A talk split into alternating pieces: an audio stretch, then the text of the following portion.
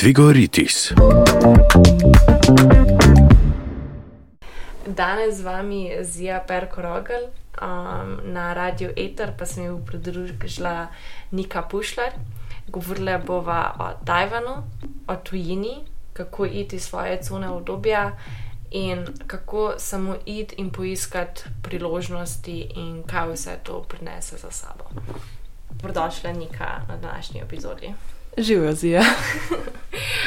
Um, prva te bi prosila, da se vse na kratko predstaviš. Kdo si, kaj delaš, koliko si stara, tudi malo izven etra, kot te ponavadi poznamo. Uh, um, to je kar težko vprašanje, zaradi tega, ker se mi zdi, sploh v zadnjem času, da sem povsod. Tako da, čist na kratko, sem Nika, um, stara sem 23, zaenkrat če. Um, sem, doštudirala sem sinologijo, to je um, azijska študija kitajščina, kar se navezuje tudi za razlog mojega potovanja. Um, drugače pa se ukvarjam z vsem živim, od literature, pisanja, um, umetnosti, zelo me zanimajo jeziki, pa vse do, kaj pa vem, um, okoljevarstva, aktivizma, takih stvari. Torej, oddajo snimamo avgusta 2023, pa me zanima, kdaj si bila na Tajvanu. Um, v bistvu prvotni plan je bil, da grem sredi avgusta 2022, ampak zaradi določenih um, COVID situacij in um, pridobivanja vize se je to zavlekel do septembra. Tako da bi rekla, da dejansko tam sem bila od septembra, pa potem do začetka marca. Letos. Tako. Ok, torej minili je že kar nekaj mesecev, uh, da si se lahko tudi nazaj kandidizirala v Slovenijo, um, pa tudi reflektirala, kako je bilo vse skupaj. Pr moje prvo vprašanje je, ali si pred odhodom na Tajvan že kaj potovala sama? Um, sem tako, kam, kako, kaj je bilo tvoje največje potovanje prej, predtem? Ja, to je v bistvu kar zanimivo, ker um, eden od razlogov, eden od tistih bolj zadnjih razlogov, ampak razlogov nonetheless, za, moj, za izbiro mojega študija je bila, da skoraj garantirano imela, da bom eno leto preživela v tujini in sicer v Aziji, na Kitajskem ali pa na Tajvanu. Drugač pa sem, se mi zdi, da že v prvem letniku faksa sem res začutila, da samo moram nekaj, iti in takrat sem šla v bistvu za dva meseca sama potovati, najprej po Evropi in potem takrat sem šla potem še za en mesec sama na Tajvan prvič. Uh -huh. In v bistvu, kako si se odločila, da greš za eno leto na Tajvan, torej zdaj, a, to, to zadnje potovanje?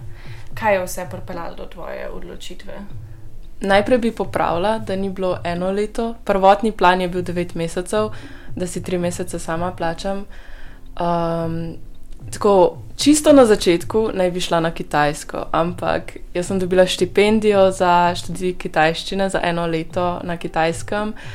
Um, nekje tri mesece preden se je začela vsa situacija s COVID-om, torej je to kar mal splavalo po vodi.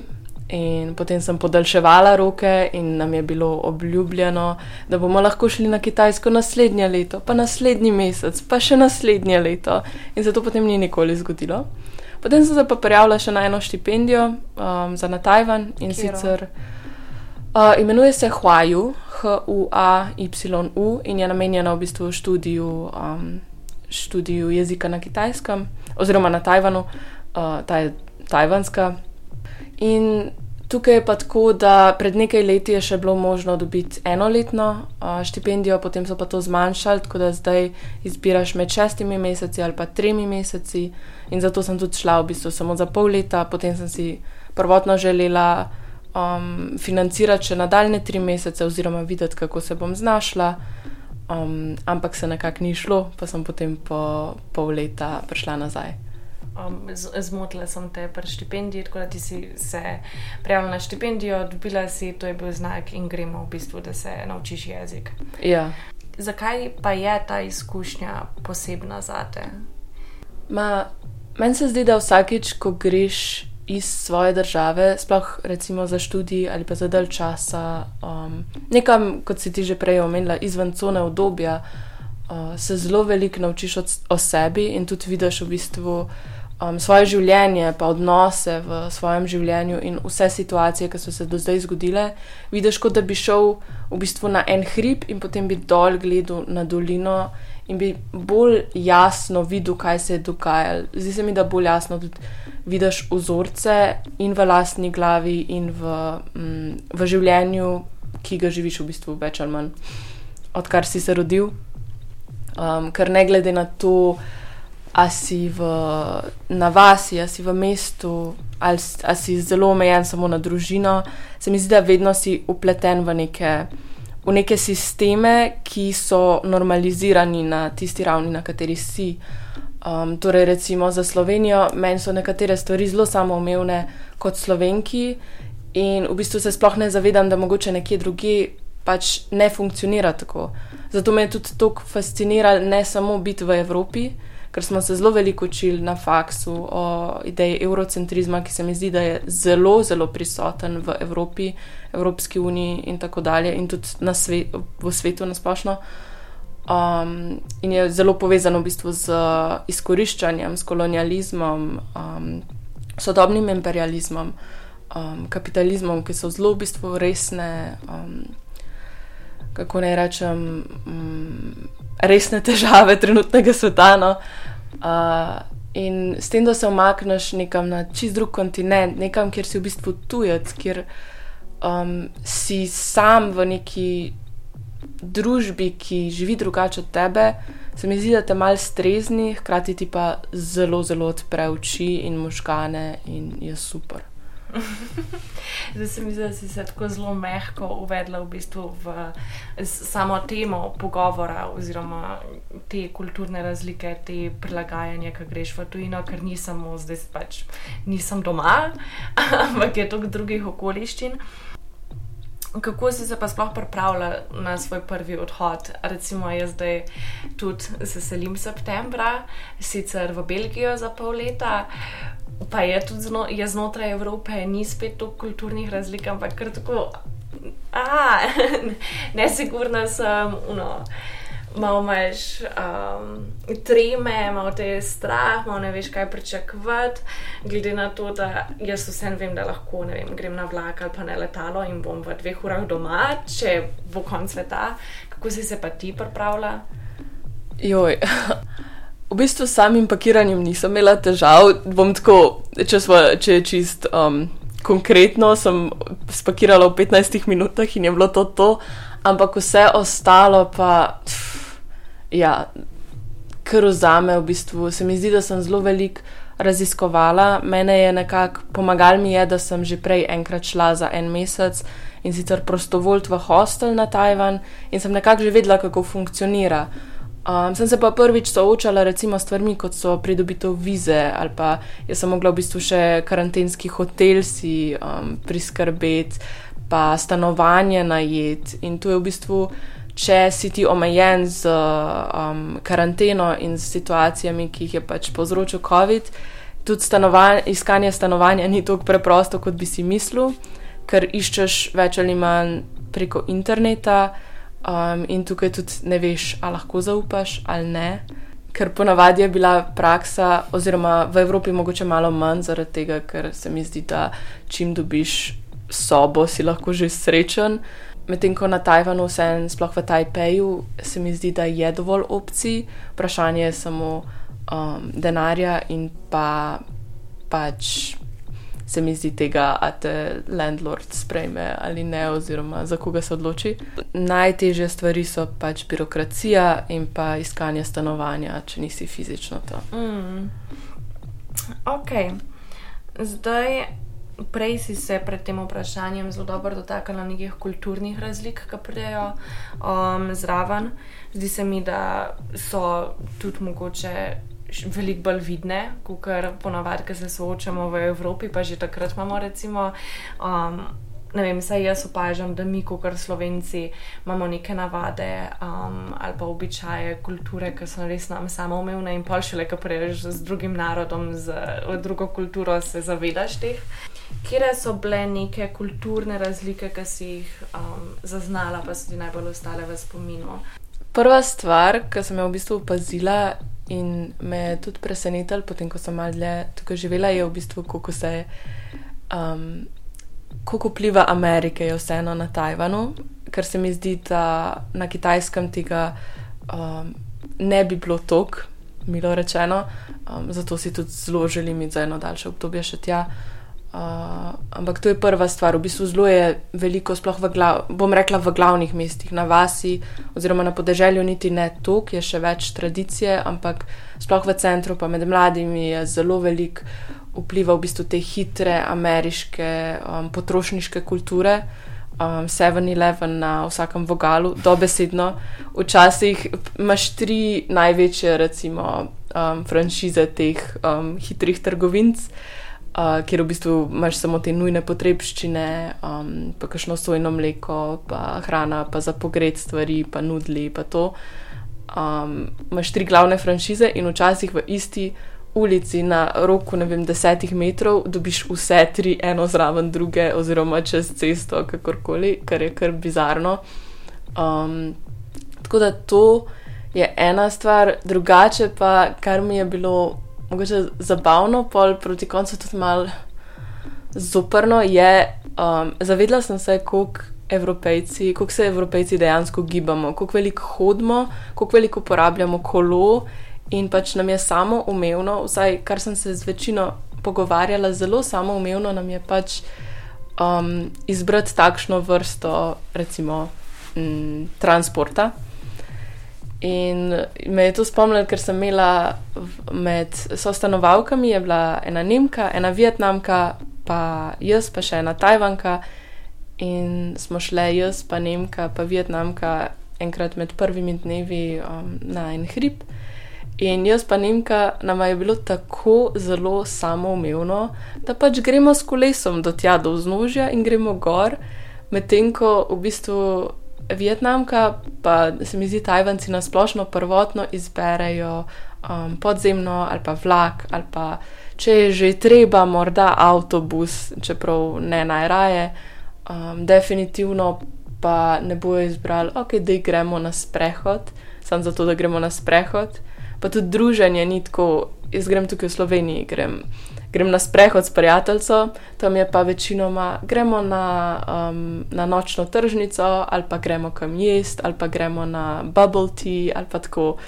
Um, tako da to je bila kar taka razlika, se mi zdi. Neki uh, smo se tudi pred intervjujem, mislim, prej smo začeli snimati, pogovarjali in si mi omenila. Um, kako je z vodo in pitno vodo tam. Zdi se mi, da mi smo kar navajeni, da pač odpreš pipo in da imamo uh, dobro pitno vodo skozi na voljo. Kako je tam? Ja, definitivno. Načeloma voda je pitna, um, ker tudi zelo veliko dežuje, se mi zdi. Ampak problem je v infrastrukturi, ker recimo Tajpej, kjer sem ja živela, je zelo veliko mesto. In je zelo težko v bistvu vse prenoviti, in so pipe, oziroma pipe cevi, so ponovadi zelo stare. In to pomeni, da imaš noter, da se luščijo, da imaš noter so živo svinarijo, verjetno. In zaradi tega, uh, to je v bistvu razlog, zakaj večina ljudi ne pije pitne vode, pač te vode iz pipe. Imajo um, pa potem razne filtre, lahko se kupi filter, um, ki se naštela na pipo, ki ti v bistvu sproti prečiščuje ali pa ljudje pač kupujejo vodo. Čeprav iskreno rečeno, jaz sem včasih, jaz sem sicer polnila svojo enolitrsko flašo potem v šoli, ker, ker imaš večinoma na javnih mestih, imaš pitnike, kjer si lahko. Kjer lahko dostopaš do pitne vode, sploh v parkih, um, v knjižnicah ali pa pač v šolah. Um, in potem pač stopiš v eno knjižnico, pa si napolniš, pa malo ostaneš, pa se delaš, da gledaš knjige in pa greš ven. To te ni težko. Ne. Tako da um, to drugače pa, mm, ja, ljudje tudi kupujejo vodo. tudi omenjala si fenomen karaoke sob. Ja, um, Jaz, ko sem za to slišala, sem bila presenečena. Um, to je nekaj, kar jaz sploh ne bi šla, zatem, da res nisem neko, uh, ne obožujem karaoke za res. Um, a mi razložiš ta fenomen? ja komod. Verjetno bo pač vam, uh, poslušalcem, kdor pozna tudi korejsko kulturo, pa japonsko kulturo, um, bo to precej znano in precej logično, ker je v velikih teh korejskih dramah in tako dalje. Ampak v bistvu, ja, ti lahko na Tajvanu, pa se mi zdi v azijskih državah nasplošno, um, najameš sobo s prijatelji, kjer imaš v bistvu zasebne karaoke nekako. Um, za kakorkoli ljudi že je, in v bistvu imaš potem vse funkcionira enako, ampak um, ja, lahko si naročiš tudi hrano, pijačo noter in pač odpoješ tiste, kolikorkoli ur si si rezerviral. Menda to radi počnejo, če se prav spomnim, za ob koncih teh študijskih, pač šolskega leta, pa tako, da se da praznujejo. Um, tako da ja, to je kar velika zadeva tam. Pa je bilo tebi dobro? Jaz nisem šla, ker ne maram karok. si čakala zunaj, kot jaz bi. To je prva stvar. Um, in tudi nisem imela denarja, ker pač študentsko življenje, da bi si to plačala.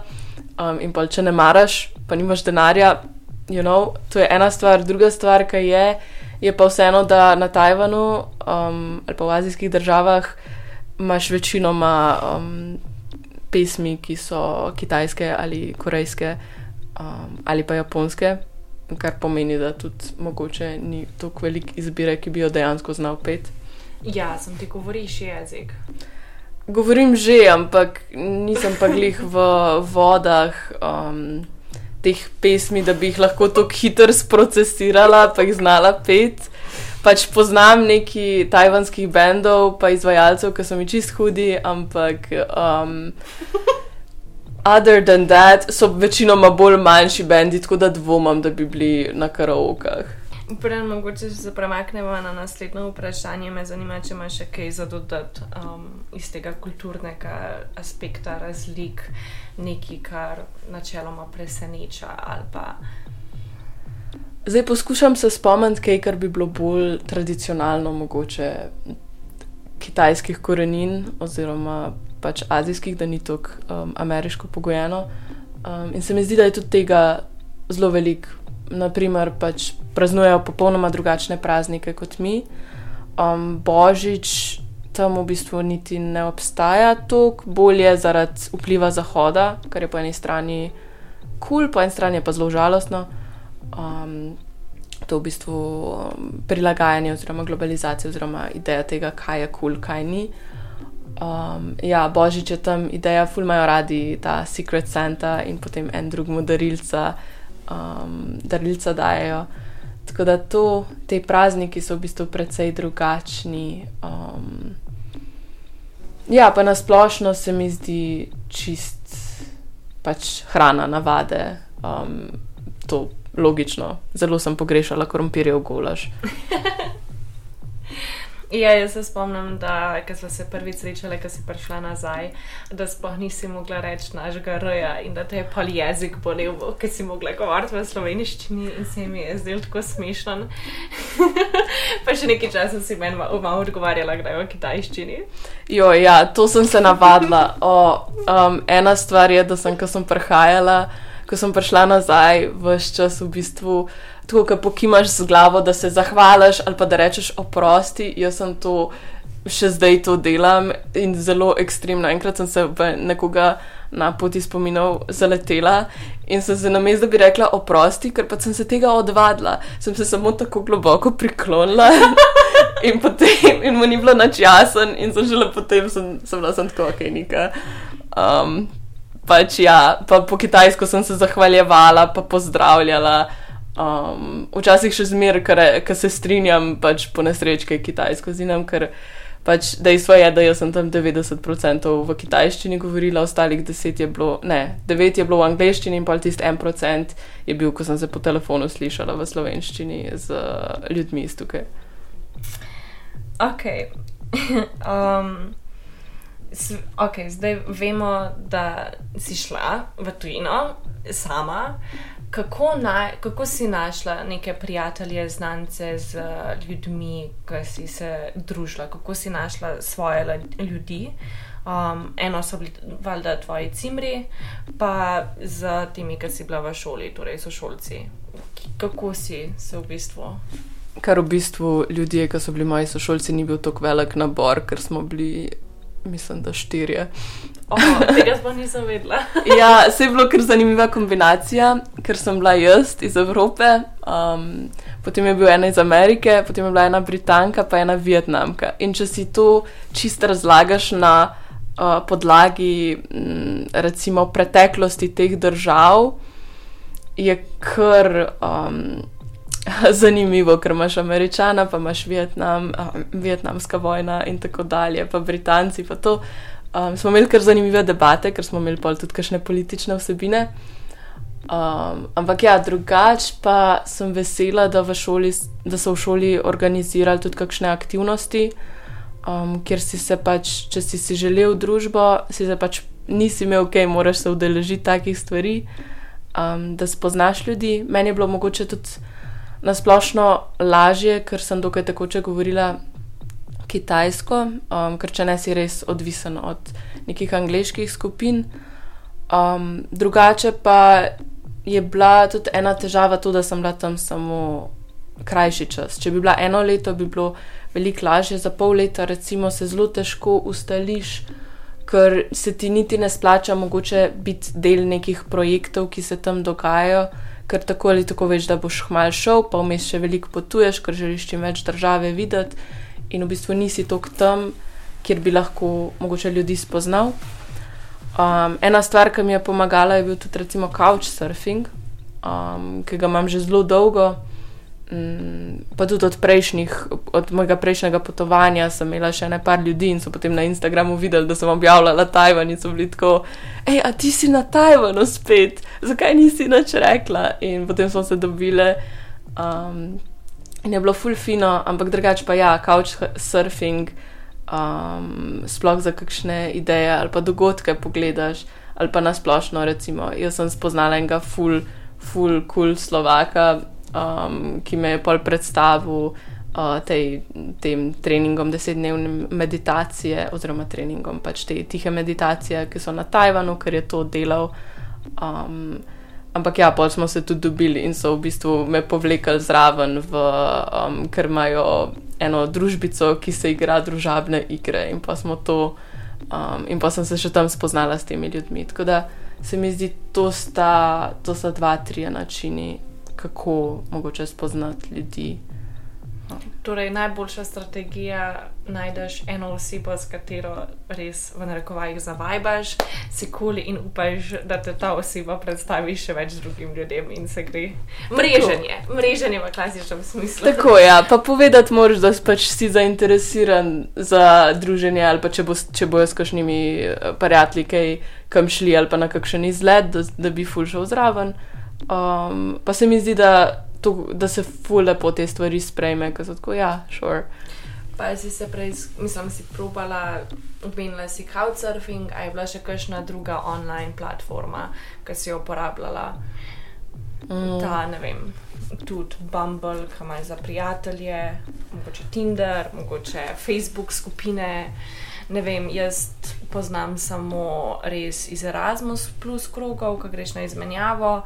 So ful popularne te WhatsApp skupine, um, kar priješ noter in potem se naredijo druge manjše skupine, in je tam veliko ljudi, ki se hoče družiti in sam napišeš, kdo bi kaj hengu ali pa če bi šel kam in se milijon ljudi javi. Ja, načeloma tega jaz nisem toliko uporabljala, jaz nasplošno se mi zdi, da nisem toliko um, internetni človek oziroma te internetne skupine, čeprav so full uporabne, je pa tudi težko to včasih navigirati na. Um, Čist na, recimo, pač v kitajščini, um, ker imajo tudi čist drugačne aplikacije. Recimo, oni imajo najbolj popularen je um, tale Line, ki ga tudi Korejci uporabljajo, um, ki je v bistvu tudi zelo specifično, imaš full unih, ala. Uh, oni pravijo stickers, nalepke, ki so fulluškane in potem s tem odgovarjaš ljudem.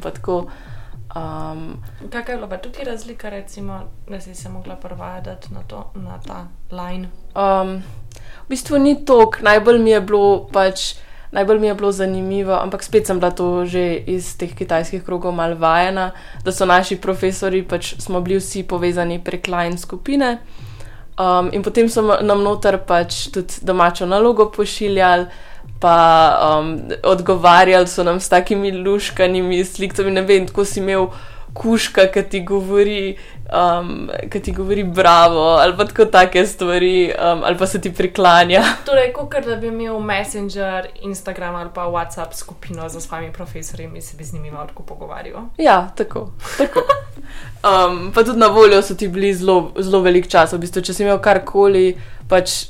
Se mi zdi, da so ti mimo grede odgovarjali, kar je mal problematično, ker pa spet kako je ločena potem služba od prostega časa, če si skozi na line skupini z svojimi študenti. Um, ampak ja, je bilo pa res lepo, zaradi tega, ker so tudi pomagali nas navigirati. Um, tako da to slišala sem tudi za ljudi, da se vrnem na tele, um, kako se povezati za ljudi, ki so uporabljali tale Bumble BFF. Um, to. Mm, drugače pa, ja, se mi zdi, na, na Tajvanu so kar popularne tudi še razne te jezikovne izmenjave. Tu imaš pa na Facebooku dogodke in se v bistvu kot tujec zelo hitro se lahko um, prijaviš na to, oziroma samo prideš na to lokacijo in je v bistvu izmenjava, recimo kitajščina, angliščina, ker tam, glede na to, da je to otok, pa dokaj stran od recimo angliško govorečih. Um, držav, mm, ali pa tudi, da bi potrebovali to, v bistvu ne dobijo toliko priložnosti za prakso angleščine, tako da tudi na tak način se lahko zelo hitro povežeš ali pa si vsaj najdeš neko družbo. Kako se pa lahko sploh znajdeš z angleščino tam, če si? um, to mogoče malo težje odgovorim, glede na to, da pač je bilo meni precej preprosto, ker um, govorim kitajsko in berem kitajsko.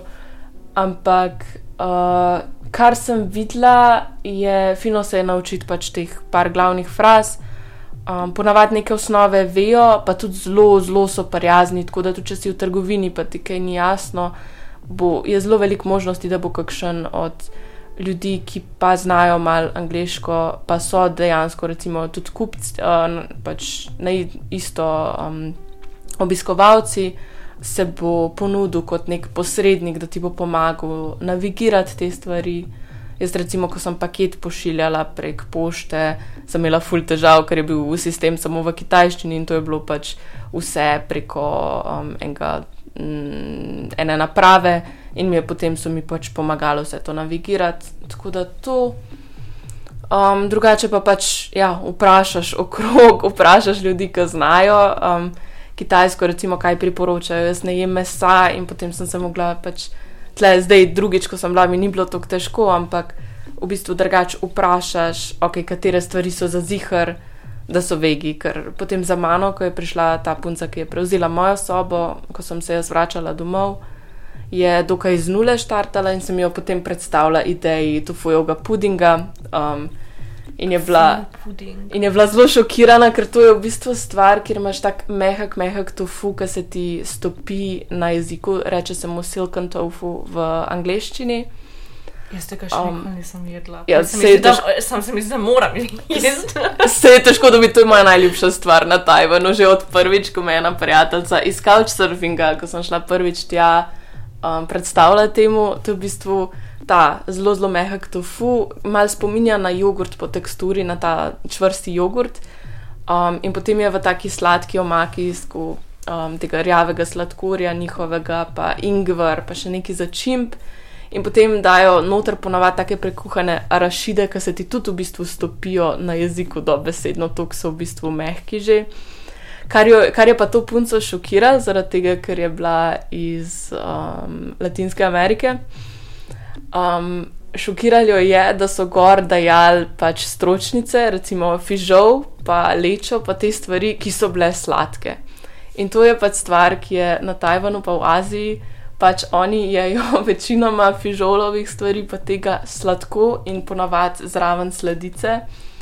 Um, in ona se ni mogla v bistvu navaditi na to, pa je kar čuden koncept za nas, se mi zdi. Jaz se čisto razumem. Jaz tudi ne vem, če bi hotla v svojem pudingu fižol. Ampak Medtem, ko grem, lahko probam, ampak meni se to sliši kar zločin. ja, pa čičarika sladka. Pa tako, um, je pa to, da sem se potem z mojo vietnamsko prijateljico, sošolko pogovarjala, njej je bilo pa ravno obratno čuden. Ker je ona vajena, pač, da jejo fižol, pa te stvari samo sladko, in si ni mogla predstavljati, da pač mi to damo v stvari, kot so ne vem, ričet ali pa take stvari. Je bilo pač zelo, zelo čuden. Mm, pa me zanima, kako bi pa opisala mlade na Tajvanu, ki si jih spoznala, srečala. Govoriva o Tajvancih najbrž, ne o angliško govorečih, izmen, teh, ki so prišli na izmenjavo. ne. Ma, pa lahko, A bo, lahko okay. boje, kar, kar se ti zdi, da bi bilo vreden omeniti oziroma povedati. Torej, zdi se mi, da um, Tajvanci na splošno so zelo, um, zelo odprti, zelo prijazni, oziroma tle govorim tako, spet odvisno. ne. Mislim, vemo in predpostavljam, seveda, da so to neke tvoje osebne izkušnje. Ni, mislim, je, je tvoja izkušnja in nekdo, ki je šel in je ne vem, ali drugačen, ali pa je v nekem drugem spletu okoliščin imel lahko neki čist drugačno izkušnjo z njimi. Um, tako da je logično, da je to samo tvoja impresija države in ljudi. Ja, na probujem razmišljati, zato ker ponovadi o ljudeh razmišljam dost o energijah, kakšno energijo dajo. In se mi zdi, da Tajvanci dajo tako, um, mm, recimo, svetlo, mehko, odprto energijo, ampak hkrati mal na površini. Se mi zdi, ni tako težko kot recimo v Koreji, ko sem slišala, um, južno, za Južno Korejo sem slišala v bistvu od prijateljice, ki je eno leto tam živela, da je kot um, tujec zelo težko postati um, del teh njihovih prijateljskih skupin, še zmeraj si pač, se mi zdi, vedno na neki točki tujec. Tukaj tega ni tok, um, še zmeraj pa mogoče malo težje prodreš do nekih globih stvari, ki smo se jih mogoče v Evropi bolj navajeni pogovarjati, oziroma vsaj v mojih krogih sem ponovadi na, navajena biti tisto. Um, Tiste iskrenosti, globine, že direktnosti, v bistvu, direktno, v bistvu, da se res povežeš s človekom. To se mi zdi, da je bilo na Tajvanu malo težje najti, vse je bilo mečkam bolj um, na vrhu. In tudi ena moja tajvanska prijateljica, ki se je preselila potem um, v Prago, zdaj živi v Berlinu, um, mi je razlagala, da je to eden od razlogov, zakaj je šla, da v bistvu ni našla toliko velik družbe, ki bi bila v bistvu. Ki bi tako globoko mogoče razmišljala, ker je tudi umetnica, pa tako kot, um, kot je ona. Um, tako da čisto. Uh, je pa spet, ja, odvisno, koga spoznaš. Um, ampak ja, zelo radi se mi zdi, da uh, so tudi odrasli so v taki kulturi, zelo radi se um, zabavajo, zelo radi, um, zelo so. Mm, ne vem, ja, tako no. Uh, to me zanima, kakšna je pa, vem, kultura pitja in kajenja in žuranja tam. Zdaj moramo ušteti, da mm, v velikih aspektih je zelo podoben že um, zahodnemu svetu, če temu tako rečemo, oziroma Evropi, Ameriki. Uh, tako da se mi zdi, da mm, ni take razlike, ljudje tudi pijajo, če, če niso um, polnoletni. pa Tako, um, ampak ja, mogoče, mogoče ni tako normalizirano spet, kot je uh, v naših okoljih. Druga stvar, ki je, je pa recimo. Pa se mi Še zdi, posebej na, Bal- na Balkanu. ja, joj. Aha. Ampak to je pa mm, čist druga tema, torej pitje in kajenje med mladimi. Ja, Ja, um, zdaj, kar sem jaz slišala od drugih, jaz nisem bila tako pozorna, je, da v bistvu moja vietnamska um, prijateljica mi je povedala, v bistvu, da je zelo velik. Da je opazila zelo veliko mladih, da um, kadijo. Mogoče je primerjala v bistvu z situacijo v Vietnamu, um, tega ne bi vedela, Um, ampak ja, to je ena od stvari. Še ena od stvari, ki se mi zdi pa pomembna, da se jo omen, je recimo, medtem ko je pri nas tudi v Evropi, pa to mogoče malo bolj se zamiži na eno uč, pa pogleda, ajde, marihuana, pa to, a ne. Um, tega pač na Tajvanu ni. Na Tajvanu je, je pač o, trava šteta kot trde druge, isto in si isto kaznovan, mislim, da greš v zapor. Um, v bistvu ni, ni tolerance za takšne substance, kar me je v bistvu tudi malo presenetilo, ker sem vajena v Ljubljani ali pa v Sloveniji, slej, ko prej zavohaš kakšno, um, kakšno substanco, ko, gre, ko greš čez kakšen park ali pa tako. Tega na, to se mi na Tajvanu ni nikoli zgodilo, ne glede na to, tudi v kakšnih okoljih sem bila. Um, je pa ena stvar, um, ki je kar lušna, uh, recimo, da so full LGBTQIA, kakorkoli je že ta kratica zdaj, zelo um, tolerantni, se mi zdi. Um, to je pač kultura, ki je, mislim, da so prvi v Aziji sprejeli tudi te um, istospolne poroke. Um, sicer imajo neke nijanse, ampak v bistvu zelo, pre, zelo lahko vidiš tudi ljudi, um, pač istospolne pare po cesti, pa tako pa ni šteto kot kaj čudnega, tudi njihova, mislim, da ta parada ponosa je kar, kar znana tukaj, pa um, razni ti klubi. Uh, tako da ja, te stvari recimo imajo kar, um, kar napredno. Malo vemo o Tajvanu in kaj je tam. Kaj bi rekla, da so kakšni stereotipi, ki jih imamo, evropejci? Um, in se ti je zelo zanimiv, pa je totalno narobe, pa mogoče še nekaj, pa tudi resničen. Um. Ja, ena stvar, naj bi jo najprej omenila, Tajvan ni Tajska. In tukaj sem se dosti smejala, ker pač imamo podobno situacijo Slovenija, Slovaška in smo se vse čas hecali z temi Tajvanci, da smo na podobnem, um, pač ker jih skozi zamenjujejo. Um, in tudi tukaj v Sloveniji se mi je ene parkrat zgodil. Um, tako da to je ena stvar, taka. Um, pa omenila bi še v bistvu, kar sem slišala. Mogoče nekateri si mislijo, je Tajvan je, ne vem, kaotično, to je tako tretji svet, to je ne vem, kaotična Azija na splošno. Ampak jaz bi rekla, da je temu precej nasprotno. Ja, imaš veliko skuterjev, ogromno skuterjev. Um, ampak. A si vozila skuter? Ne, ker nimam izpita, ampak sem se pa vozila z nekom na skuterju. To pa ja, že prejšnjič in tudi zdaj, um, kar je ful, ful zanimiva izkušnja, ful je super. Um, kaotično, ampak super. tako da um, to.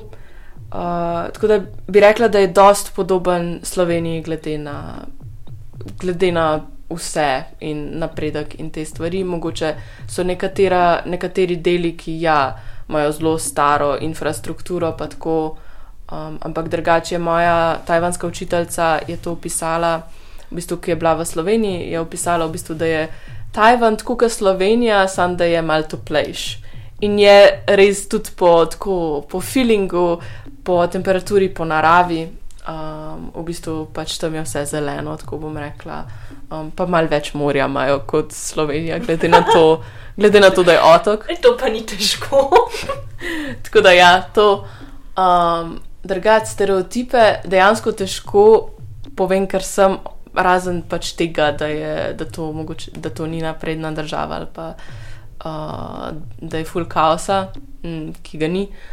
Um, stereotipi niti nisem tako mogoče v stiku, čist zaradi tega, ker so ljudje že vajeni, a to je ona, ki študira kitajščino in tudi sem mal bolj v teh krogih, ki pač poznajo stereotipe. Um, tako da to se mi pa zdi mogoče ena stvar, ki smo jo slišali, da um, Azijci nasplošno zelo spoštujejo svojo družino, podnose z družino, um, sploh starši. Um, to je pač povezano s konfucijanstvom ta filialni odnos. Um, in to se mi zdi pa, da kar drži, da v bistvu zelo, zelo spoštujejo um, svoje um, stare starše in svoje starše, um, in tudi velikrat pač prioritizirajo družino um, nad drugimi stvarmi. To se zdaj v novih obdobjih, pa globalizacija, pa to se sicer malo um, um, recimo spremenja, ampak še zmeraj se mi zdi, da nekje v, v koreninah um, je to kar jasno vidno. No? Torej, pogrešala si krompirjev golaž, kaj še? Pa ne od hrane, nasplošno. um, pogrešala sem slovensko zimo, um, oziroma evropsko zimo, ker mi zime nismo imeli v takem imenu. Mi smo imeli v bistvu zelo vlažno, ampak nekje 25 stopinj, kar je sicer se čutil zelo mrzlo, pa šest dni od sedmih je drževal, sploh na severu, v glavnem mestu, medtem ko čist na jugu je bilo, mislim, da celo leto, nekje, mislim, celo zimo, nekje 30 stopinj, pa sonce. Tako da to je ena ta razlika. Um, tako da pogrešala sem vreme. Um, pogrešala sem mogoče vsaj v začetnih mesecih, začetnih tednih, ta nek občutek skupnosti, tega, da um, še nekam pripadaš, ne samo šoli. Um, tako da to je stvar. Pogrešala sem to, da mi ne bi bilo treba maske nositi, ker tam je bilo v bistvu veliko. Uh, večina ljudi je takrat, ko mi nismo nikjer več imeli mask, je še zmeraj v zuni nosila maske, ne glede na to, ali si bil s kolesom, ali si bil peš, kjerkoli. Maske so bile neka stalnica in sem pogrešala v bistvu videti ljudi v obraz, taki kot so, sploh ker pa zelo rada opazujem, ker jih potem tudi rišem. Tako mm, mi je to precej manjkalo. Um, tako čist ne omenjam, da en teden pred tem, ko sem jaz šla domov, se je sprostil, da pač v notranjih prostorih ne rabiš več nositi mask. Ampak ja, mi ni veliko pomagalo, zaradi tega, ker sem šla domov. Um, ampak ja, tudi takrat, ko tehnično ti ni bilo treba nositi maske, je bil ta pritisk nekako okolja, sploh zato, ker si tujec, um, tak, da si še zmeraj nosil, ker nisi bil hotel biti kot uh, gledan kot, aha, um, samo tujci ne nosijo mask um, ker pač vsi Tajvanci so jih nosili, več ali manj. In pa sem bila vsakič vesela, ko sem videla kakšnega Tajvanca, ki ni imel maske. Um, pač, ko je bilo po zakonu, da je ni bilo treba. Tako da to, to sem pogrešala. Um, z ljudmi se mi zdi, kar je zanimivo, pa kako jaz opišem ta, to stvar, ni glih, kaj sem pogrešala, ampak samo občutek v bistvu. Um, ko, ko sem šla v tujino, pa po mojem imamo veliko ljudi tako izkušnjo, imaš občutek nekega medčasja. V bistvu, kot da bi dol življenje tukaj v Sloveniji na pauzo in da bi se vse nekako ustavil, in bi bil v bistvu vmes nek prazen prostor, ki teče ta čas, ko sem jaz pač na Tajvanu, ker sem vedela, da bom nazaj prišla. In potem, ko se vrnem, um, je tako v bistvu to, da sem bila na Tajvanu že postala kot malo neoprijemljivo. Tako kot ko snemaš zvok, pa imaš dva različna, kako se reče, na dveh različnih nivojih in teče ta sočasno, in v bistvu daš potem enega na pauzo, en še zmer teče, in potem se v bistvu. Wow, to sem zelo slabo razložila. Ampak kot da se vrneš v bistvu nazaj na tisto izhodiščno točko, šest mesecev nazaj, in greš od tam dalje ampak v bistvu hkrati se zavedaš, da vmes je nastala ena luknja praznega prostora, um, ko tebe ni bilo in da tukaj pač je življenje šlo naprej. In ti v bistvu štartaš iz tiste točke, iz kjer si zaključil, ampak vsi ostali pa ne štartajo od tam. In je v bistvu um, zelo težko, zelo težko se je umestiti, sploh v prve par mesecih in v bistvu res dojeti um, take vrste sprememb. No.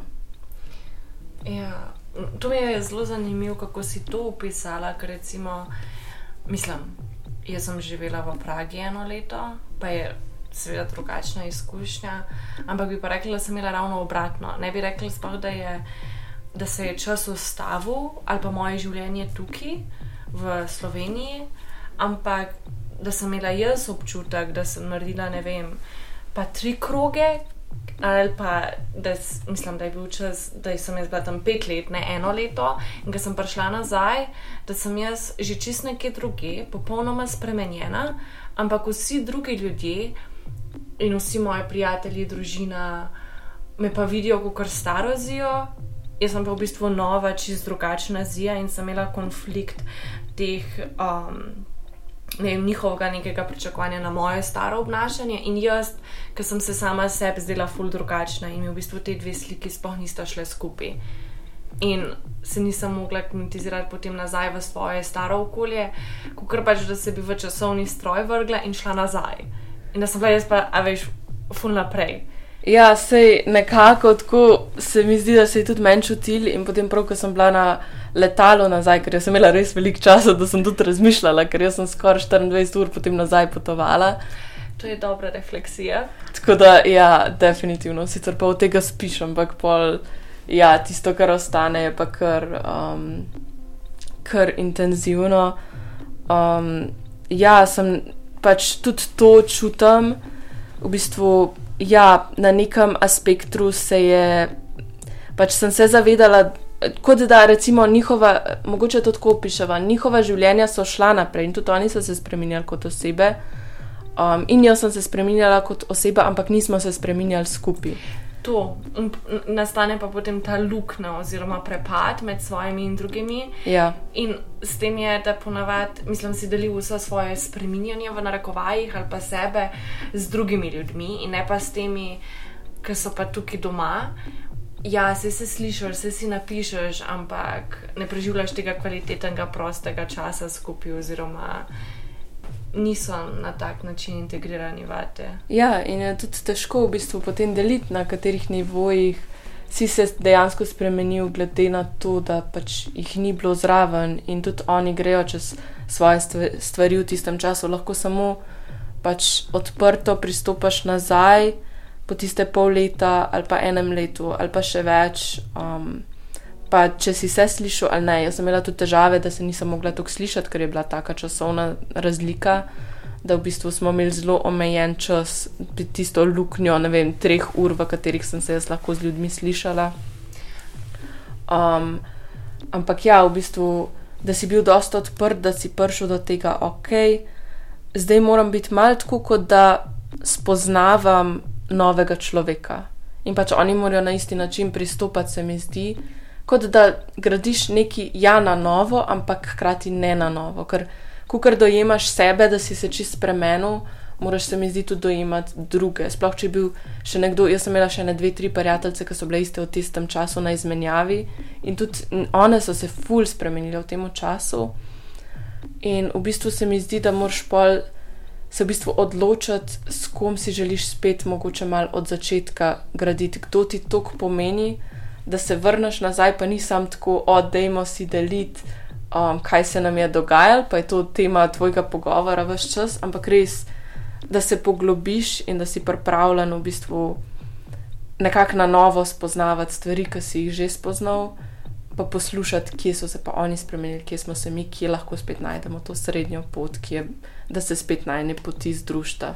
Mm. A si čutila kaj domotožja? Mm, se mi zdi, Če da se ga sploh.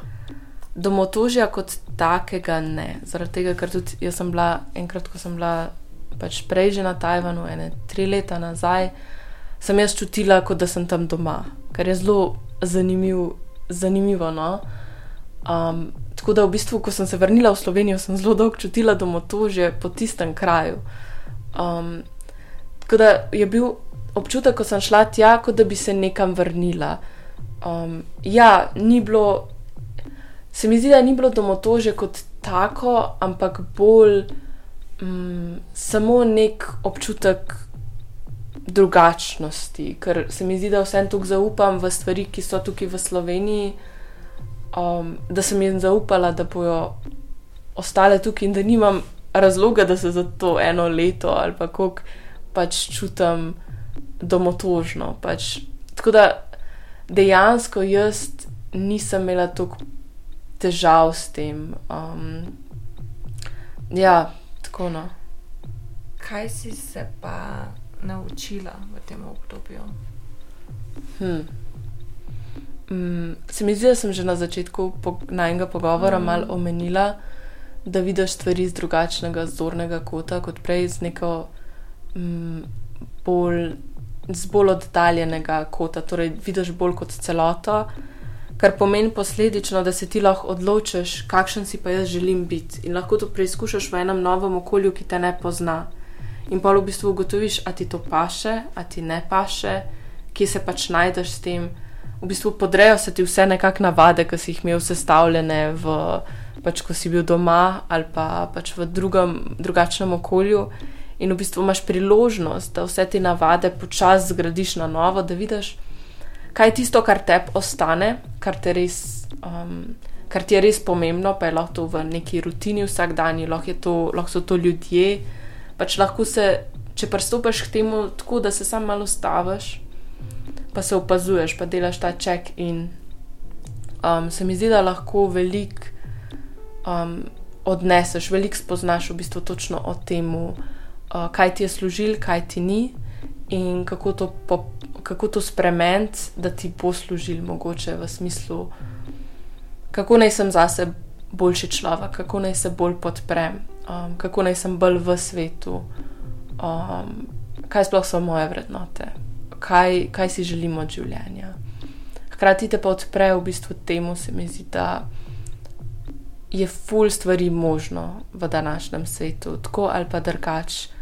Če želiš iti v tujino, ne pač slejko prej, ne pač lahko se prijavljaš pač sto, na sto različnih stvari, ampak slejko prej boš, se mi zdi, dobil eno priložnost, da pač lahko izkusiš to, da nekam greš, lahko dobiš neko štipendijo, lahko dobiš ponudbo za kakšno službo, lahko greš z prostovoljstvom ali pa tako, v bistvu, da si dober, imamo pač ta privilegij tudi kot evropejci, kar je zgodba za en drug čas, mogoče um, tudi z našim močnim pač pasušom in tem.